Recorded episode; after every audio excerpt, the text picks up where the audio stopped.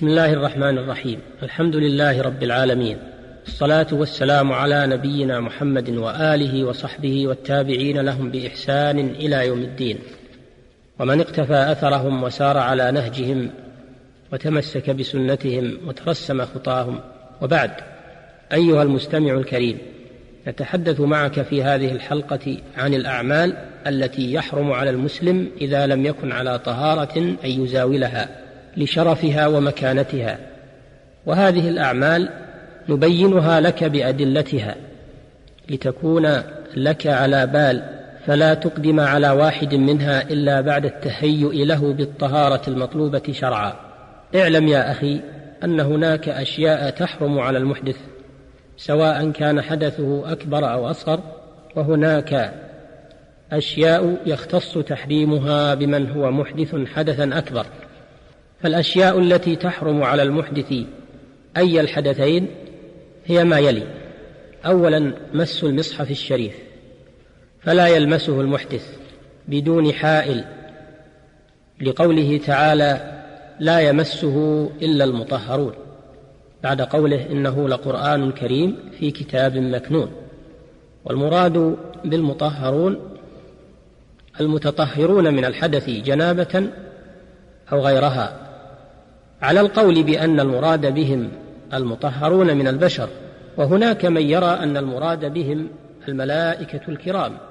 وحتى لو فسرت الآية بأن المراد بهم الملائكة فإن ذلك يتناول البشر بدلالة الإشارة كما نبه على ذلك العلامة ابن القيم وغيره. وكما ورد في الكتاب الذي كتبه رسول الله صلى الله عليه وسلم لعمرو بن حزم وفيه لا يمس المصحف إلا طاهر رواه النسائي وغيره متصلا قال ابن عبد البر إنه أشبه بالمتواتر لتلقي الناس له بالقبول. قال شيخ الإسلام ابن تيمية هو مذهب الأئمة الأربعة. وقال ابن هبيرة في الإفصاح اجمعوا يعني الأئمة الأربعة أنه لا يجوز للمحدث مس المصحف إنتهى. ولا بأس أن يحمل غير المتطهر المصحف في غلاف أو كيس من غير أن يمسه مباشرة. وكذلك لا بأس أن ينظر فيه ويتصفحه من غير مس كما لو كان مفتوحا أمامه. ثانيا يحرم على المحدث الصلاة فرضا أو نفلا وهذا بإجماع أهل العلم إذا استطاع الطهارة. لقوله تعالى يا أيها الذين آمنوا إذا قمتم إلى الصلاة فاغسلوا وجوهكم وأيديكم إلى المرافق وامسحوا برؤوسكم وأرجلكم إلى الكعبين وإن كنتم جنبا فاطهروا. الآية وقال النبي صلى الله عليه وسلم لا يقبل الله صلاة بغير طهور رواه مسلم وغيره. وحديث لا يقبل الله صلاة من أحدث حتى يتوضأ. فلا يجوز له أن يصلي من غير طهارة مع القدرة عليها ولا تصح صلاته سواء كان جاهلا أو عالما ناسيا أو عامدا.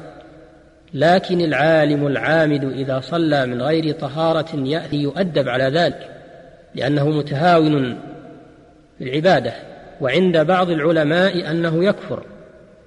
وإن كان جاهلا أو ناسيا فإنه لا يأثم لكن لا تصح صلاته فلا بد من إعادتها. ثالثا يحرم على المحدث الطواف بالبيت العتيق لقوله صلى الله عليه وسلم الطواف بالبيت صلاة إلا أن الله أباح فيه الكلام. وقد توضأ النبي صلى الله عليه وسلم للطواف وصح عنه صلى الله عليه وسلم أنه منع الحائض من الطواف بالبيت حتى تطهر. كل ذلك مما يدل على تحريم الطواف على المحدث حتى يتطهر.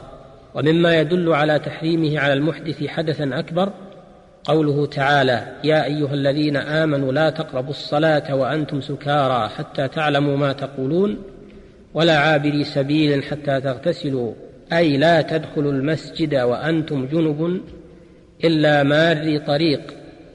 فمنعه من دخول المسجد للبقاء فيه يقتضي منعه من الطواف من باب أولى.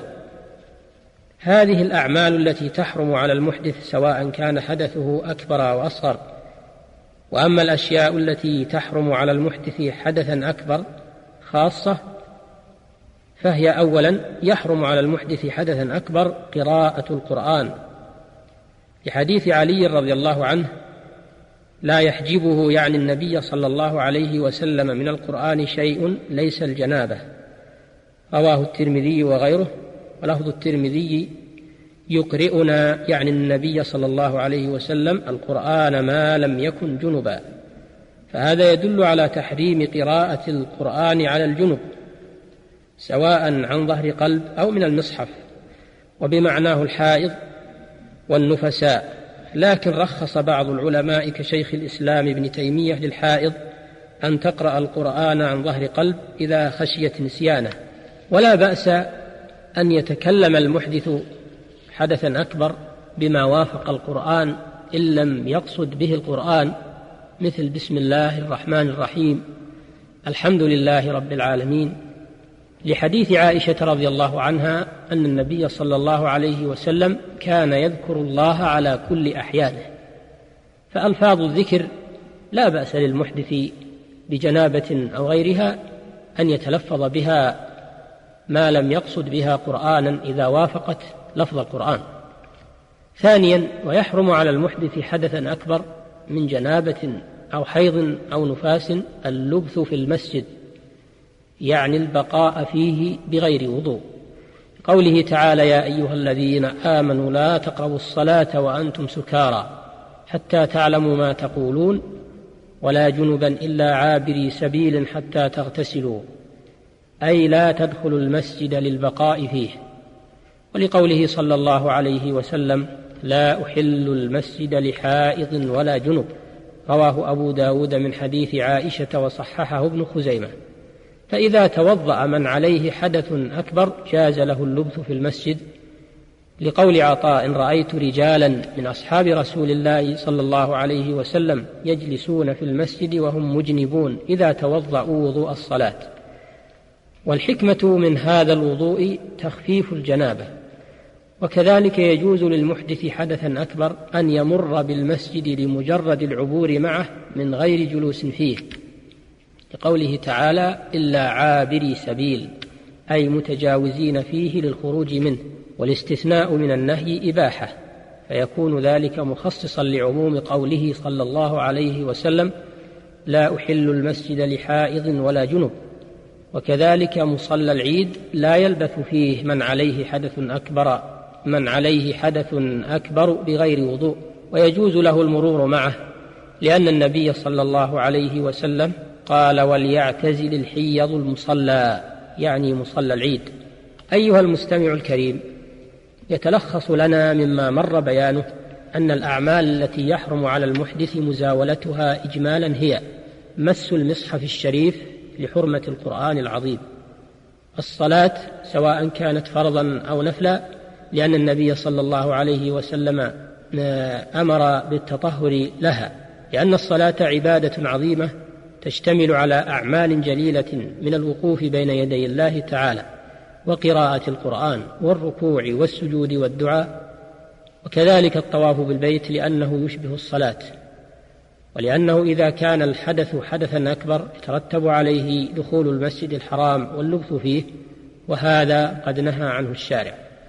وقراءة القرآن إذا كان الحدث حدثا أكبر لحرمة القرآن العظيم لأنه كلام الله عز وجل فلا بد من التهيؤ له بالطهارة من الحدث الأكبر واللبث في المسجد ومصلى العيد لحرمة المسجد ومكانته عند الله وكونه مقر الملائكة الكرام. فلا بد أن يحسب المسلم له حسابه.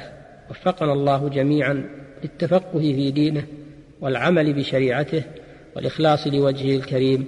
إنه هو السميع العليم. وإلى الحلقة القادمة إن شاء الله تعالى. وأستودعك الله. صلى الله وسلم على نبينا محمد وآله وصحبه وسلم.